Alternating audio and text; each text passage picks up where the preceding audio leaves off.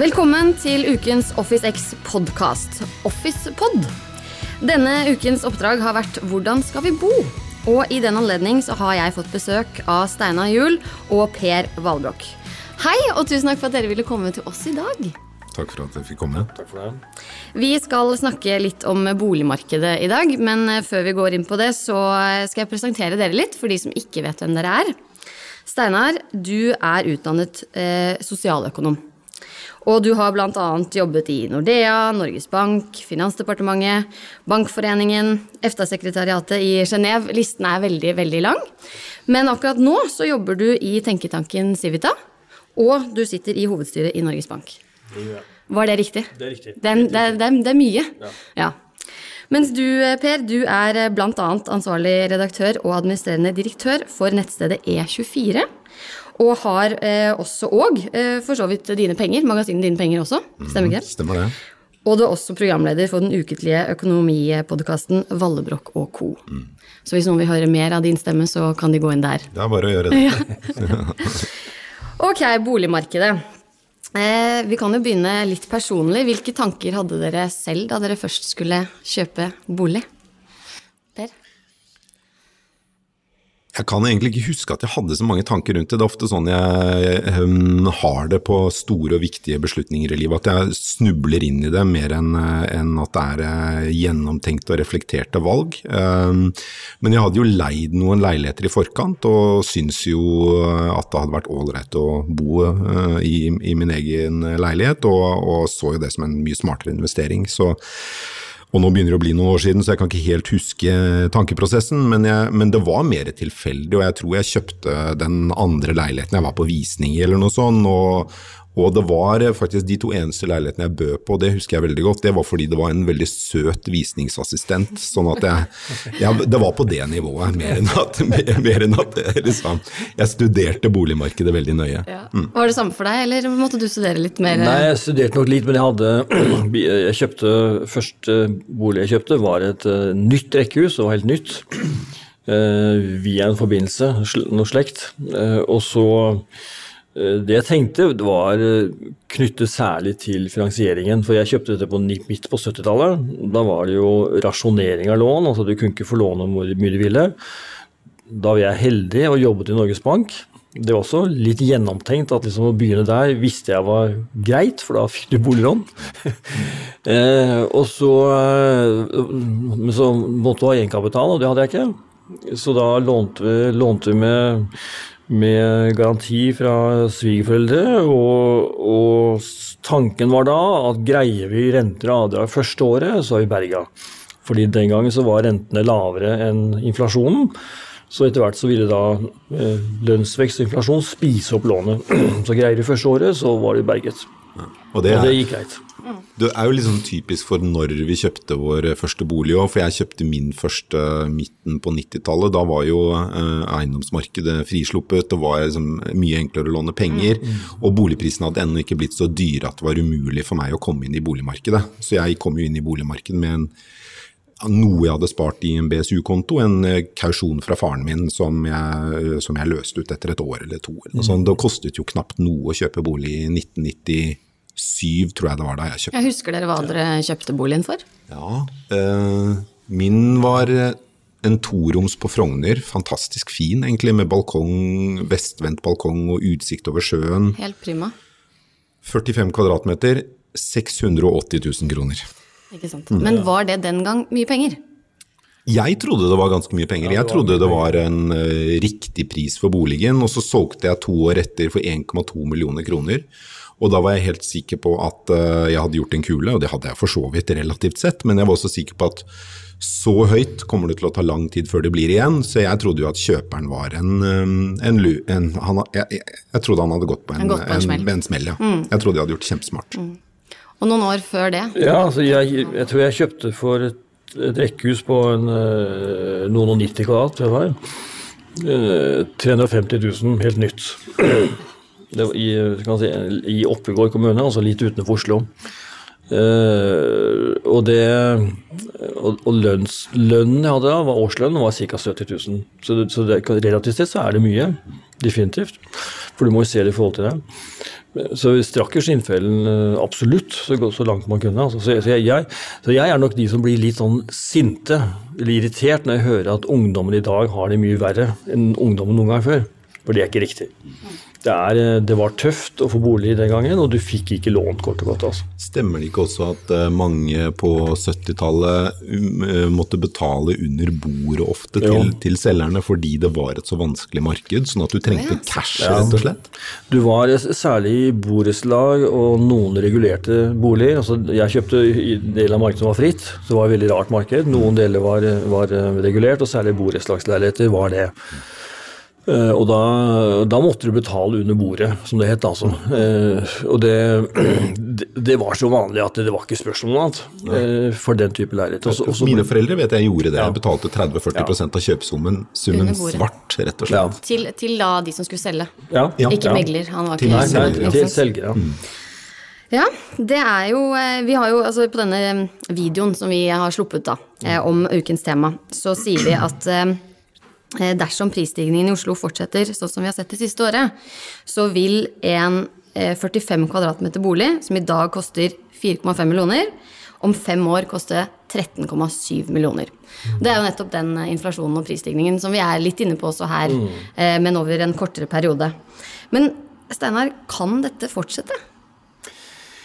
Altså Det vil nok kunne gå enda noe mer oppover, det tror jeg nok det kan skje. Men, men jeg tror ikke jeg tror ikke Det skal mye til at det fortsetter i det tempoet der. Uh, og det er i sammenheng med at uh, det som styrer boligprisene, er jo for, for tre ting hovedsakelig, da, sånn over tid. Uh, det ene er hva vi har i inntektsvekst, sånn reelt sett. Og det andre er hva som er generell inflasjonen. Og det tredje er, er rentenivået. Og den generelle inflasjonen må vi regne med kommer til å være moderat. Eh, ikke som vi hadde på 70-tallet, 10 og vel så det. Eh, og inntektsveksten til folk flest, altså reallønnsveksten, kommer til å være mer moderat fremover enn det vi har hatt før. Og så er rentenivået på jeg må anta et bunnivå, eller i hvert fall nær bunnivå. Husk at Den kommer ikke lenger ned. Det er heller risiko for at den kommer opp når vi ser liksom, noen år fremover. Og det tilsier at liksom, det som er driverne for boligmarkedet nå de siste, siste 10-20 årene vil bremse mer fremover. Hvis vi skal fortelle lytterne veldig kort hva inflasjon er? Ja, Det er generell prisstigning, altså at det at uh, varer og tjenester du kjøper i butikken, at det stiger generelt i pris. Slik at du også da ved hvert lønnsoppgjør finner ut at uh, hvis jeg skal beholde kjøpekraften til lønnen min, så må jeg ha 10% høyere lønn. Sånn var det på 70-tallet. Generelt så regnet vi sånn 10 uh, gjennomgående. Enkelt og greit. Og, og da, da, jeg kjøpt, kjøpte første bolig, så hadde vi veldig gunstige lånevilkår i Norges Bank. Jeg tror vi hadde 5 rente, og det er 5% rente og 10 lønnsvekst eh, hvert år. Så, så, så, som jeg sa, så er det veldig greit da, hvis du greier første året, så er det berga. Sånn blir det ikke fremover, og sånn har det ikke vært mange år. Nei, for Vi har snakket litt om trender, eh, Per. At det er lite, et lite skift ute og går nå? Eller man ser litt annen, et litt annet marked? Ja, ja, trolig, vil jeg si. Altså, de siste to årene så har vel boligprisen, i hvert fall her i Oslo, da, som jo Vi har jo en tendens til å snakke om boligmarkedet og Oslo-markedet i samme vending ofte, og det er feil. For Oslo-markedet har jo vært helt unikt i norsk sammenheng. Går du til Elverum, så snakker vi ikke om den prisutviklingen. Men her i Oslo så har prisene steget i underkant av 40% på to år. Ja, og det det kommer ikke til å fortsette. Sånn at du kan ikke dra den linjen fremover i tid og si at en toroms vil koste x eller y uh, antall millioner om, om fem år. Uh, og på noen visninger så kommer det jo færre folk nå, og det, på noen uh, prosjekter også så selges det mindre liksom, uh, før ferdigstillelse enn en før. Men det, det, er, fremdeles på litt sånn mm, anekdotisk eh, bevisnivå. Da. Det er lite i prisstatistikken som tyder på mm. at prisene skal falle. Det er, det er lite i, i, det meglerne rapporterer som tyder på at boligprisene skal falle. Men at det kanskje roer seg litt ned, det, det får vi jo egentlig nesten håp på. Mm. fordi sånn som det har vært nå med en prisvekst på over 20 i, i boligmarkedet i Oslo, er jo eh, uansett hvordan du vrir og vender på det, ikke sunt. da. Nei, absolutt. Og om det da holder eller roer seg litt, grann, uansett hvem er det som egentlig har anledning til å kjøpe? For det er jo veldig høye krav for å få lån, som vi har snakket om. Eh, så hvem er disse menneskene som har penger nok? Nei, Det er jo forbausende mange, da, inkludert mange unge. Men mange unge får jo hjelp av foreldrene sine, og så får de jo i noen tilfeller også bedre lånebetingelser enn det godt voksne får. Um, så det er ikke sånn at ungerne er de liksom suverene taperne her. Hvis jeg skulle trukket frem én gruppe som har klart største taper, så er det nettopp småbarnsfamilien som f.eks. har bodd på Hokksund øh, og, og som må flytte inn til Oslo-området for å jobbe. De som liksom har vært utenfor boligmarkedet i de store byene, de er nok mm. minst like store tapere i boligmarkedet som det unge er. Eh, men for unge så vil man nok i større grad fremover se at de må bosette seg f.eks. ute i Oppegård, som Steinar gjorde, eller, eller, lenger utenfor bysentrum da, for å ha råd til å, å, bo. Ja, for det er jo sånn at mange, sikkert unge og andre, har av og til kjøpt litt over evne. At de presser ikke sant, 'Å, har bare 30 000 til, bare 50 000 til, så har jeg den drømmeboligen'. Men hva skjer da hvis renta går opp? Nei, det, det, som er det, det som eh, er skumle, er jo at renten er så lav som den er. Og man kan fort, og den har vært lav lenge. Eh, og det gjør at man fort kan tenke sånn så at den kommer aldri opp igjen. Eh, og det skal ikke jeg lage renteprognose her, men, men, men, de fleste Det skal noe til at den blir lavere, for å si det sånn. Og, og nå er jo rentene på vei opp i noen land internasjonalt. Amerikanerne har begynt å heve den forsiktig. Eh, I Europa henger nok en del etter. Eh, og, og, og, sånn som også prognosene fra Norges Bank, det de la fram nå sist, så, så, ser man for seg også at det vil gå noen år til før det er aktuelt å kunne gjøre det sånn som prognosene er nå. Så det tar litt tid, men, men, men prognoser er prognoser. Og, man, og, og, det er at man, når man først har vent seg til et lavt rentenivå og, og strukket skinnfellen veldig langt, så, så vil eh, så vil liksom, sånn har da betaler 2% rente eller 3% rente, og så øker renten med 1% så er det 25 opp i utgiftene dine. ikke sant? Så det er ganske mye. Eh, så, så selv små bevegelser i renten eh, kan bety ganske mye for, eh, for de som har kjøpt sist og strukket skinnfellen mest. Og det er bekymring som, som, er der, og som også man erfarte til dels også da vi hadde boligkrakk i Norge på, på, ved, ved, slutten av 80-tallet og begynnelsen av 90-tallet. Men hvorfor er vi så opptatt av å eie og ikke leie? Det er så gunstig. Skattemessig er det veldig gunstig. Det er jo det det er jo det, det spareobjektet som er mest gunstig eh, beskattet. Du betaler Du får en gevinst eh, gjennom årene. Du skatter ikke av gevinsten når du selger den, eh, stort sett. Eh, og du, du, har ingen eh, beskatning av fordelen å ha bolig. Uh, og du har uh, rentefradrag, ikke så mye som i gamle dager, men likevel. Så, så, det er veldig gunstig. Men finnes det ingen fordeler med å leie? Per? Jo, det gjør det jo. Det, det, du har jo friheten, selvsagt. At du raskere eller lettere kan komme deg ut av en bolig. Du har eh, det at du, du slipper å tenke for mye på vedlikehold, og du slipper å strekke strikken for å komme deg inn i boligmarkedet. Um, selv om det jo mm, mange steder er ganske dyrt å leie òg. Men det er jo i tillegg til at det er skattemessig gunstig, så er det jo, og kanskje det, det er jo skattemessig gunstig også fordi vi er veldig opptatt av å ha vårt eget sted i Norge. Det er jo også kulturelt og politisk liksom, forankra, og vi har, vi har, jo til og med et ord for det. Selveierdemokrati. Sånn at det, jo, det sitter liksom sånn i ryggraden til nordmenn flest, det å eie sitt eget sted, i motsetning til ja, du behøver ikke reise lenger enn til Sverige for å se at uh, leieandelen er uh, Jeg tror den er liksom, Snakker liksom 40-50% av de som bor i Stockholm f.eks. leier jo i stedet for å bo. Ja, det er faktisk I Norge så bor da 84,4% av befolkningen ja. i bolig hvor eh, husholdningen eies selv, eller ja. altså hvor boligen mm. eies selv. Ja. Mens det i Sverige er 69,3 eh, og i Sveits ned på 44,5 ja. som da eier sin egen bolig. Så det er jo åpenbart en forskjell. Jeg tror det er Norge, Storbritannia og USA i den vestlige verden som er litt særskilling de landene med Og jeg tror Norge ligger enda høyere enn USA også, så jeg husker. Ja. Altså. Så, for Tyskland ligger lavt, eh, og Sveits som du nevnte. Eh, Og, der har de et aktivt leiemarked. eh, Profesjonelle utleiere altså som eier altså Store firmaer som eier boliger som de, som de leier ut. Eh, og du har ikke de samme skattemessige skattemessig behandling av fordeler å være, å være selveier. Eh, Så det er nok, eh, og jeg er enig med Per, at, det, det, at vi har de skattereglene vi har, gjenspeiler jo eh, kulturen og politiske vektleggingen av at eh, vi skal være selveiere. Det er veldig, vel- sitter veldig tungt i ryggmargen. Det har jo vært eh, diskusjoner om beskatning av bolig så lenge jeg kan huske.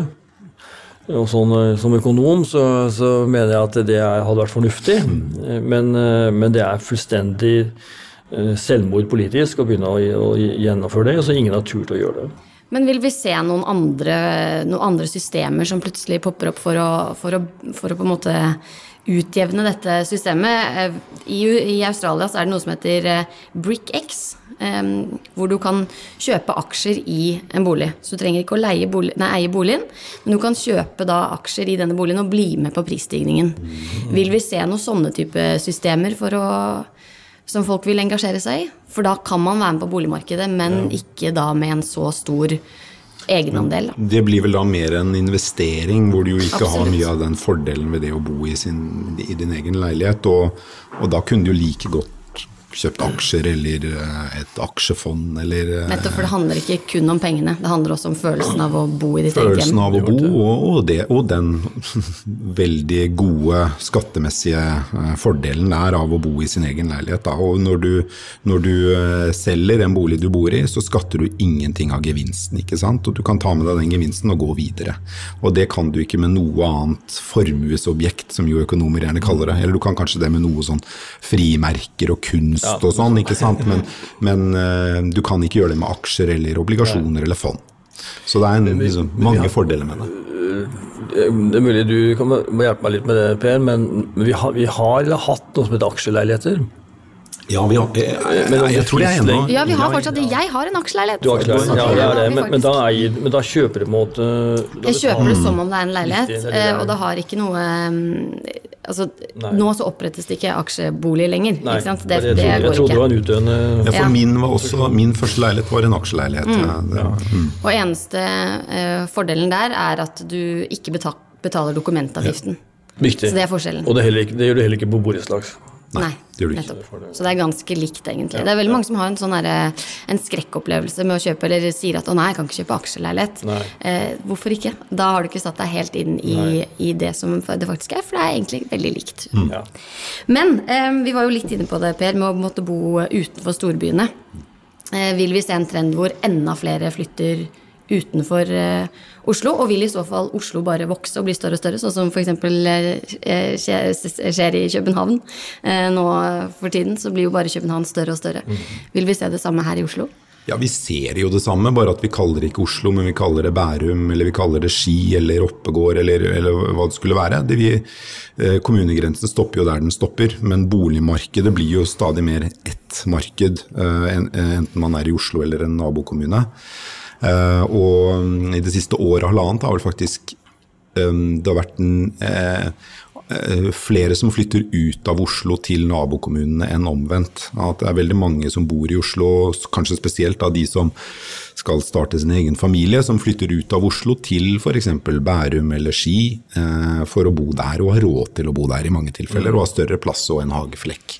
Ja, for vi kan ikke alle bo i byen. Nei, og det, det, er en, det, er en, det er ikke en helt illusjon, men det er en litt illusjon at Oslo sånn si, kommune har vokst så veldig mye. For det er, eh, er som Per sier, det er eh, folk flytter ut fra Oslo og til nabokommunene. Og, det, og det er først og det, tendensen har vært sånn over mange år at de som på en måte, når de ser på innenlandske flyttingen, altså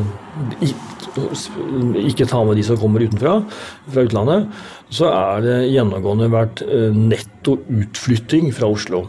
Eh, sånn svakt, eh, rundt pluss-minus null. Så det som har gjort at Oslo kommune og Oslo har, har vokst de siste årene, er flyttingen fra utlandet. Og nå er den på vei ned.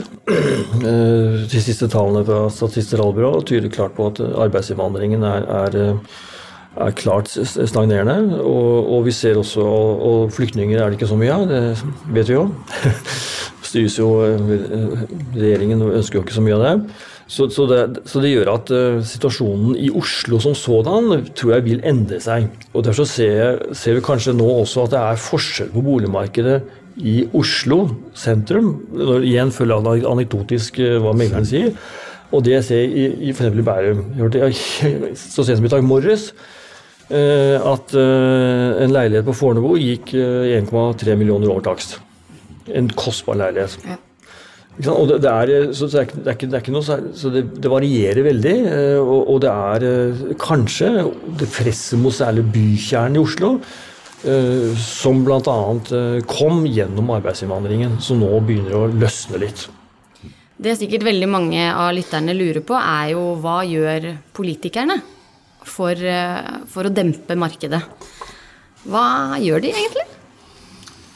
De har jo gjort en del gjennom Finanstilsynet, da, som har lagt begrensninger på hvor mye bankene kan låne ut til kunder eh, med en egenkapitalandel under så og så mange prosent, eller hvor mye bankene kan låne til prosent av sin egen balanse og den type ting. Og så er det en særregel også for markedet i Oslo og noe på utleieboliger. Um, og det ser vel ut til å ha um, virket noe dempende på boligmarkedet i Oslo. For mange, som, mange meglere som sier det, at de ser litt andre typer kjøpere inne.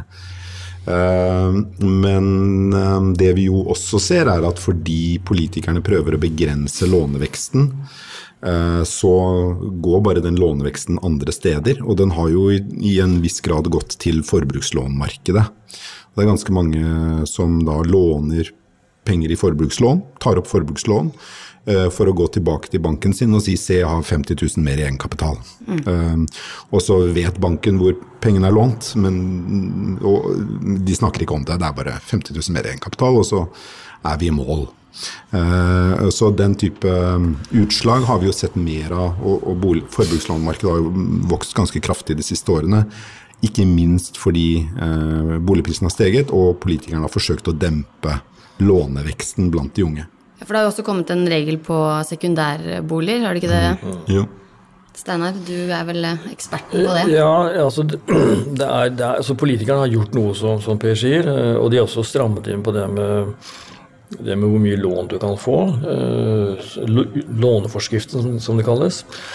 Eh, så, så, det er blitt noe, noe endringer, men, men, men, det er noe med hva kan, hva kan man gjøre? Altså det er, dette har noe med med sterke økonomiske drivkrefter uh, som, som, det er vanskelig å demme opp for. Uh, igjen, Jeg levde tilbake på 70-tallet hvor, hvor, politikerne forsøkte å gjøre mye med å regulere lån- og boligmarkedet. Og det tøte ut i retning av uh, lån utenom banksystemet, betaling under bordet osv. Så, videre. så det er, det, er ikke, det er, ikke, mulig å, å, å håndtere det på annen måte enn at du må sørge for at uh, si, kostnadene ved å låne uh, tilpasses det som måte blir at, du får en rimelig etterspørsel. Og at du må bygge mer. Og byggingen er jo kommet opp også. Det er jo alltid tidslag fra man får en impuls i retning av at nå trenger man mer bolig, til det bygges. Og det tar også lang tid til å få tilfredsstilt den økte etterspørselen. Eh, gjennom bygging, fordi tross alt så, så, så er det liksom det er, det er bo, så Tilbudet av boliger er ganske stabilt. Så selv om du bygger 2000 boliger mer, så er det forsvinnende lite i forhold til det som er mengden boliger og mengden mennesker som egentlig ønsker å bo. Og Det gjør at det, er, eh, det tar lang tid å tilfredsstille eh, til, etterspørselen ved bare å bygge boliger. Men, men uh, igjen, det vi ser nå er svakere økonomisk utvikling. Uh, mindre innflytting til Norge. Uh, byggingen har tatt seg kraftig opp, og det er gjort en del på, på å inn på, på låneadgangen. litt. og alt dette i sum demper nok boligmarkedet, kan det se ut som. Så hvordan skal man tenke når man er ung da, og skal inn i et marked? Skal man eie? Skal man leie? Hva, er, hva må man huske på? Nei, jeg tror jo så lenge skattereglene er såpass gunstige og i favør det å eie, så er det lurt for unge å forsøke å komme seg inn i boligmarkedet. Og eh, gitt en normal eh, utvikling i boligmarkedet, ikke opp 20% på året, men kanskje mer tikker oppover i takt med prisstigningen, så er det å eie over tid gunstig. Um, så jeg, det, det, vil jo være min generelle anbefaling til, til folk. Det er å eie. Uh, og så vil vi vel se at flere uh, flytter ut av bykjernen, og at det å bo på Grünerløkka eller Sankthanshaugen eller den type steder forbeholdes de som har god råd. Uh, og da kanskje ikke er så mye 27-åringen som er inne i boligmarkedet for første gang. Men hvis man da ønsker å kjøpe, da, er det litt sånn at dagens eh, kjøpelystne unge er naive når de tenker at boligprisene alltid vil fortsette å stige? Ja, jeg tror nok det. Eh, hvis man tror det. Eh, så man må være beredt forberedt på at du kan få en dipp ned. Og, og hvis du f.eks. som student har perspektiv på at du skal bo i Oslo eller Trondheim eller Bergen ett eller to år, så ville jeg vært forsiktig med å kjøpt hvis du skal eh, nå. Eh, det ville jeg vært. Eh, både fordi det er dyrt å foreta transaksjonen, men også fordi du, du, det er mer usikkerhet om, om, om, om, markedet. Jeg tror ikke på noe krakk, det er ikke det, men liksom litt sånn stagnasjon. Men, men som, skal man liksom etablere seg et sted og, og se, ha et sånn evighetsperspektiv, holdt jeg på å si, iallfall ikke sånn begrenset perspektiv, så, så, så, så, er jeg helt enig med Per at uh, eie er fremdeles det gunstigste og, og, trolig det beste måten å gjøre det på. Og det, det kan du bare ta et ferskt eksempel. Hvis du hadde du har 100 kroner, og du skal, en, du skal flytte til Stavanger for å studere. Og hvis du da kjøpte bolig i si 2013, da, og så skulle du hjem igjen til Oslo, hvor du bodde og hadde tenkt å jobbe, så hadde da den boligen du kjøpte i 2013, ville kanskje du fått 80 kroner for ja, nå. eh, nå. Men så skal du inn i, tilbake til Oslo, hvor den hundrelappen du hadde, kanskje koster deg 140 kroner. Mm. Eh, ikke sant? Så du har gått fra å være, ha 100 kroner til å mangle 60 mm. For å komme inn i det samme boligmarkedet. Så skal du eie bolig i noen år et sted, for så du vet du skal flytte et annet, kanskje leie er bedre, fordi du har den fleksibiliteten som du spurte om i sted. Og Vi skal jo ikke på en måte svartmale noe, men hvis det kommer et eh, boligkrakk igjen, da, hva skjer da? Altså, jeg, det, det, som, det, som, skjedde sist, er jo det at uh, da vi hadde, da vi hadde skikkelig boligkrakk på, på begynnelsen av 90-tallet, Eh, var jo at boligprisene falt sånn eh, omtrent med 40% sånn 40-45 Det er ganske mye, å si det mildt. Over veldig kort tid? Veldig, eller? og i løpet, i løpet, av noen få år. Jeg skulle ikke nøyaktig hvor mange år det var. Jeg tror det var fra 1987 til 1992, ja. og da bundet ut og ja, å stige igjen. Mm. Så det skjedde, skjedde og det og det, det, var en kombinasjon av mange ting som gjorde det. Men, men si, de som, alle som satt i boliger og ikke hadde noen plan om å flytte, og som hadde jobb, merket ikke dette. Det spiller ingen rolle. og sånn, sånn, er det, og sånn er det for de fleste. Og sånn vil det også være fremover. Men det er hvis det er noe Hvis du har kjøpt en bolig og skal flytte, det skjer noe livssituasjon som gjør at du må flytte, eller du mister jobben og eller mister jobben. Det er da, du, da det er problematisk. Eh, og ofte i forbindelse med, med boligkrakk eller kraftig boligprisfall, så, så, vil ofte arbeidsmarkedet også bli dårlig. Det, de, to tingene henger veldig mye sammen. Eh, så, så, en del vil rammes av det. Men ikke alle. Så fortsatt er det de fleste vil komme gjennom det, men det vil være en del som merker det. Og, og igjen, hvis da 5% plutselig har få problemer, så betyr det fryktelig mye for boligprisene fordi 5 forsvinner ut av, av markedet, og det, da, da, da, får du liksom eh, nokså store reaksjoner i boligmarkedet. Så jeg tror eh, det vi får håpe at vi unngår noe sånt nå igjen, men, men at boligprisene kan uh, tikke og gå ned med 10-15% i løpet av 3-4 år på et eller annet tidspunkt. Det vil jeg ikke se som noe krakk, og jeg vil ikke se det som det noe unaturlig. og Det, det er kanskje det, noe sånt noe man kan, kan kanskje eh, tro kan skje også. Eh, eh når tør jeg ikke spå, men, men, men, eh, man må være forberedt sånn noe kan skje. Foruten det å forsøke å komme seg inn på boligmarkedet ved å kjøpe, er det ett tips dere begge har til unge i dag som skal inn på boligmarkedet? Ja Så fremt man skal kjøpe, og det mener jeg man bør prøve å gjøre hvis man uh, har råd til det, så vil jeg vel kanskje gi det råd om å ikke låne opp til pipa. Uh, og ikke bare fordi man risikerer å stå, stå, der med skjegget i postkassa hvis man skulle miste jobben eller få økonomiske problemer, men fordi du mister den friheten din. Eh, du er nødt til å ha en jobb med en lønn på et visst nivå for å kunne betale ned på renter og avdrag. Du, du har ikke den fleksibiliteten i livet da. Og hvis du er ung, så har du kanskje ønske om å reise bort et år, eller øh, gjøre noe helt annet en periode. Og, og, hvis du da ikke har frihet, så kan du heller ikke følge den drømmen. Uh, når du kommer opp i min alder og du har små barn og sånn, så er det jo mer um, fastlåst, men det er på en måte også det man velger i livet. Så, så som ung, så ikke lån opp til pipa hvis du kan unngå det. Steinar? Ja, jeg er enig i det. Og så tror jeg også kanskje jeg ville tenkt i retning av at uh, det, det er bedre å kjøpe en leilighet som er litt større og leie ut et rom, enn å kjøpe det minste krypinnet som du vil være misfornøyd med når du, etter ganske kort tid. Eh, for da har du også større Da har du også kanskje litt lengre perspektiv på å bo der, og kan bo der litt lenger hvis, hvis markedet skulle svikte. Eh, så, så, uh, så, hvis du har mulighet til å kjøpe større, men da må du igjen ja, ha pengene, da? Ja, du må reise pengene, må reise pengene og, men, men, da kan finansiere kanskje ikke noe av kostnadene med at du leier ut et rom eller sånn. Da. Det er veldig mange som har gjort. Så jeg, jeg har så hvis jeg kan få til det, så, så tror jeg det kan være lurt. Men, men, eh, men, men også å ha i bakhodet hele tiden at det er ingen naturlov som sier at boligprisen skal stige med 7-8-9-10 og mer enn det hvert eneste år. Altså, det er ikke det. Boligprisen har falt før, det har falt, eh, og det vil skje igjen. Vi lar det bli siste ord. Tusen takk for at dere kom.